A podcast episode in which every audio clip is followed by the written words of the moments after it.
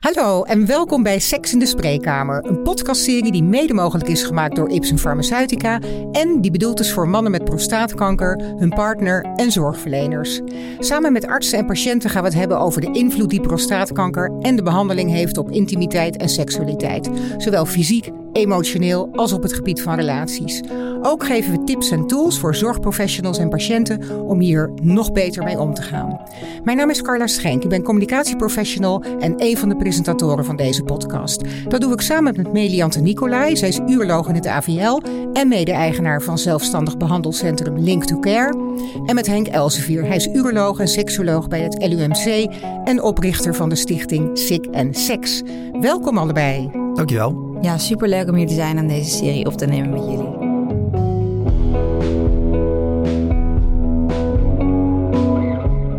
procent van de mannen met prostaatkanker echt last heeft van een seksueel probleem en daar graag hulp bij wil hebben. Misschien zijn dokters wel bang erover te praten. Hoe maak je het onderwerp nou bespreekbaar in de spreekkamer als zorgverlener en als patiënt?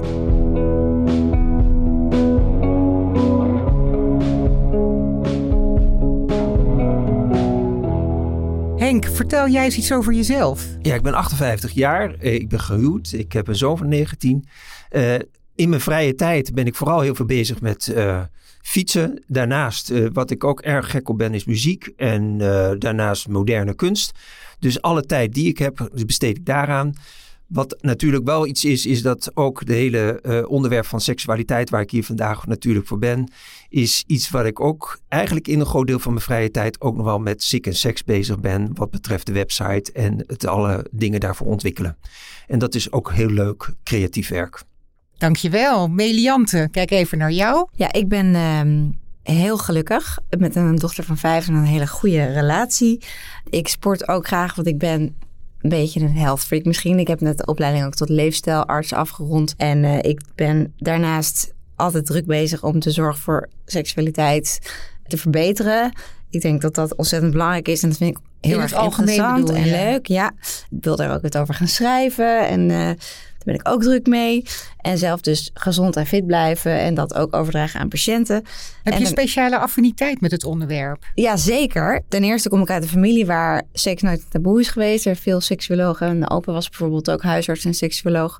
Uh, dus dat was eigenlijk altijd uh, normaal. Maar dat is voor heel veel mensen natuurlijk niet normaal. En dan merkte ik al vrij vroeg in de opleiding tot uh, dokter dat dat iets is waar, ja, als je er makkelijker over kan praten, dat mensen daar heel erg mee geholpen zijn. Mensen echt breken en huilen en, en daar heel erg veel aan hebben. Dus dat vind ik belangrijk om dat te blijven doen. Daarom ben ik ook uroloog geworden. En zelf ben ik ook, toen ik 21 was, ziek geweest. Ik had een tumor ook en ik lag vier maanden plat. Daarna heel lang gerevalideerd. En dat had zeker heel veel impact ook op mijn eigen relatie en mijn intieme leven. En toen merkte ik hoe moeilijk dat is om dat zeg maar in goede banen te leiden en de relatie ook goed te houden. En hoe weinig aandacht daar eigenlijk voor is in de zorg. Waarom vinden jullie het belangrijk om in deze podcast mee te werken? Ja, deze podcast is gewoon heel hard nodig.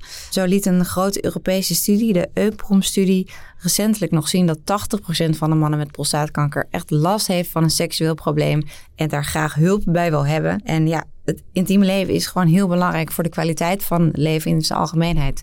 Daar moet gewoon meer aandacht aan besteed worden. En hoe komt het dat het zo'n taboe is eigenlijk om erover te praten, Henk? Kan jij daar iets over vertellen? Ja, het taboe heeft ook gewoon te maken met het feit dat uh, nou, misschien zijn dokters wel bang erover te praten. Er zijn ook andere redenen waarom ze niet over spreken. We zijn er ook niet altijd zo gewend om te praten. Maar wat ik ook wel vaker zeg is...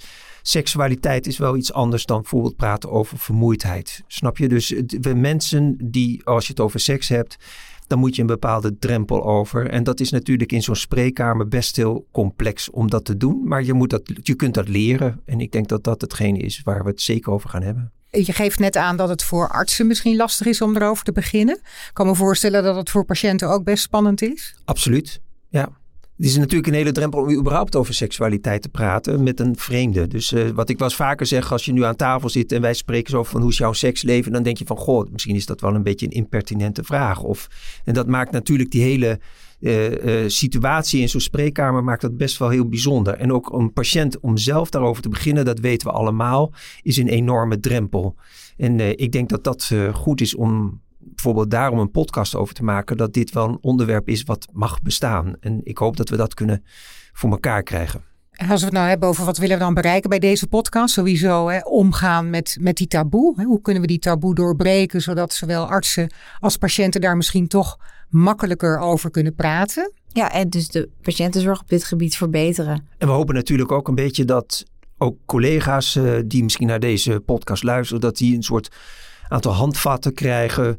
Waarbij ze zeggen van joh, weet je, als ik het zo doe, uh, misschien lukt het mij dan ook gewoon in die spreekkamer om dit toch belangrijk onderwerp op een of andere manier te regelen. Of misschien zelfs dat je met elkaar kijkt hoe je dat op je poli met andere collega's voor elkaar krijgt.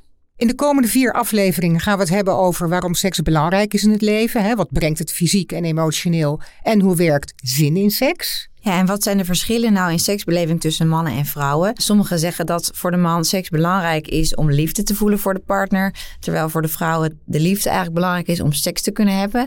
En dat is natuurlijk een spanningsveld. En dat kan natuurlijk ook andersom zijn. Precies. Welke impact heeft prostaatkanker op seksualiteit? Zowel fysiek, emotioneel als op de relatie? Ja, dan moet je natuurlijk eerst even kijken naar de verschillende soorten behandelingen die natuurlijk plaatsvinden voor prostaatkanker. Een van de dingen is active surveillance. Dat is een moeilijk woord om eigenlijk het, dat je een patiënt die prostaatkanker heeft actief vervolgt. En uh, nou goed, daar, dat is een vorm van behandeling. De radicale prostatectomie, en dat is een moeilijk woord voor het operatief verwijderen natuurlijk van de prostaat, wat wordt gedaan. Radiotherapie, dus de bestraling, uh, dat kan soms in combinatie worden gedaan met hormonale therapie. Uh, en dat geeft dan ook weer zijn eigen problemen mogelijk met de seksualiteit. En natuurlijk hebben we de groep van patiënten die uitgezaaide prostaatkanker hebben, die we in eerste instantie eigenlijk altijd behandelen met hormoontherapie. Ja, en we willen dan natuurlijk ook bespreken wat dan precies de invloed is van die verschillende behandelopties die je kunt krijgen als prostaatkankerpatiënt op de seksuele functies. Dus op de zin in seks, op de erecties, op het klaarkomen. En uh, bijvoorbeeld ook de aanmaak van sperma. Een van de onderwerpen die we ook gaan belichten zijn bijvoorbeeld de psychosociale aspecten. De angst en onzekerheid waar je als patiënt mee te maken krijgt. En de impact die, ja, die de seksuele veranderingen hebben op de partner en op de relatie. En wat natuurlijk geweldig is, is dat we ook patiënten in de uitzending hebben. Zowel alleen, maar ook met een partner. En dat is natuurlijk heel dapper dat ze mee willen werken aan deze podcast. Want dat maakt eigenlijk gewoon het spreken, zeker als ze dat samen doen met ons, uh, nog mooier. Uh, in plaats van dat wij alleen maar een verhaal hierover houden. En het erover hebben is eigenlijk al de eerste stap. Dus hoe maak je het onderwerp nou bespreekbaar in de spreekkamer als zorgverlener en als patiënt?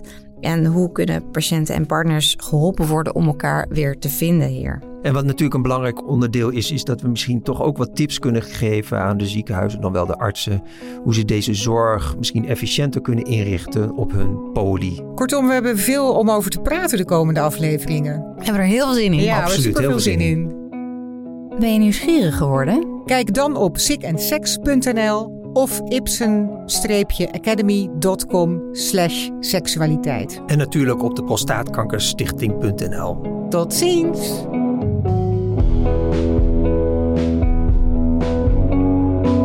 De informatie die in deze podcast wordt besproken komt mogelijkerwijs niet overeen met uw persoonlijke ervaringen. Voor uw specifieke vragen raden wij u aan contact op te nemen met uw behandelend arts.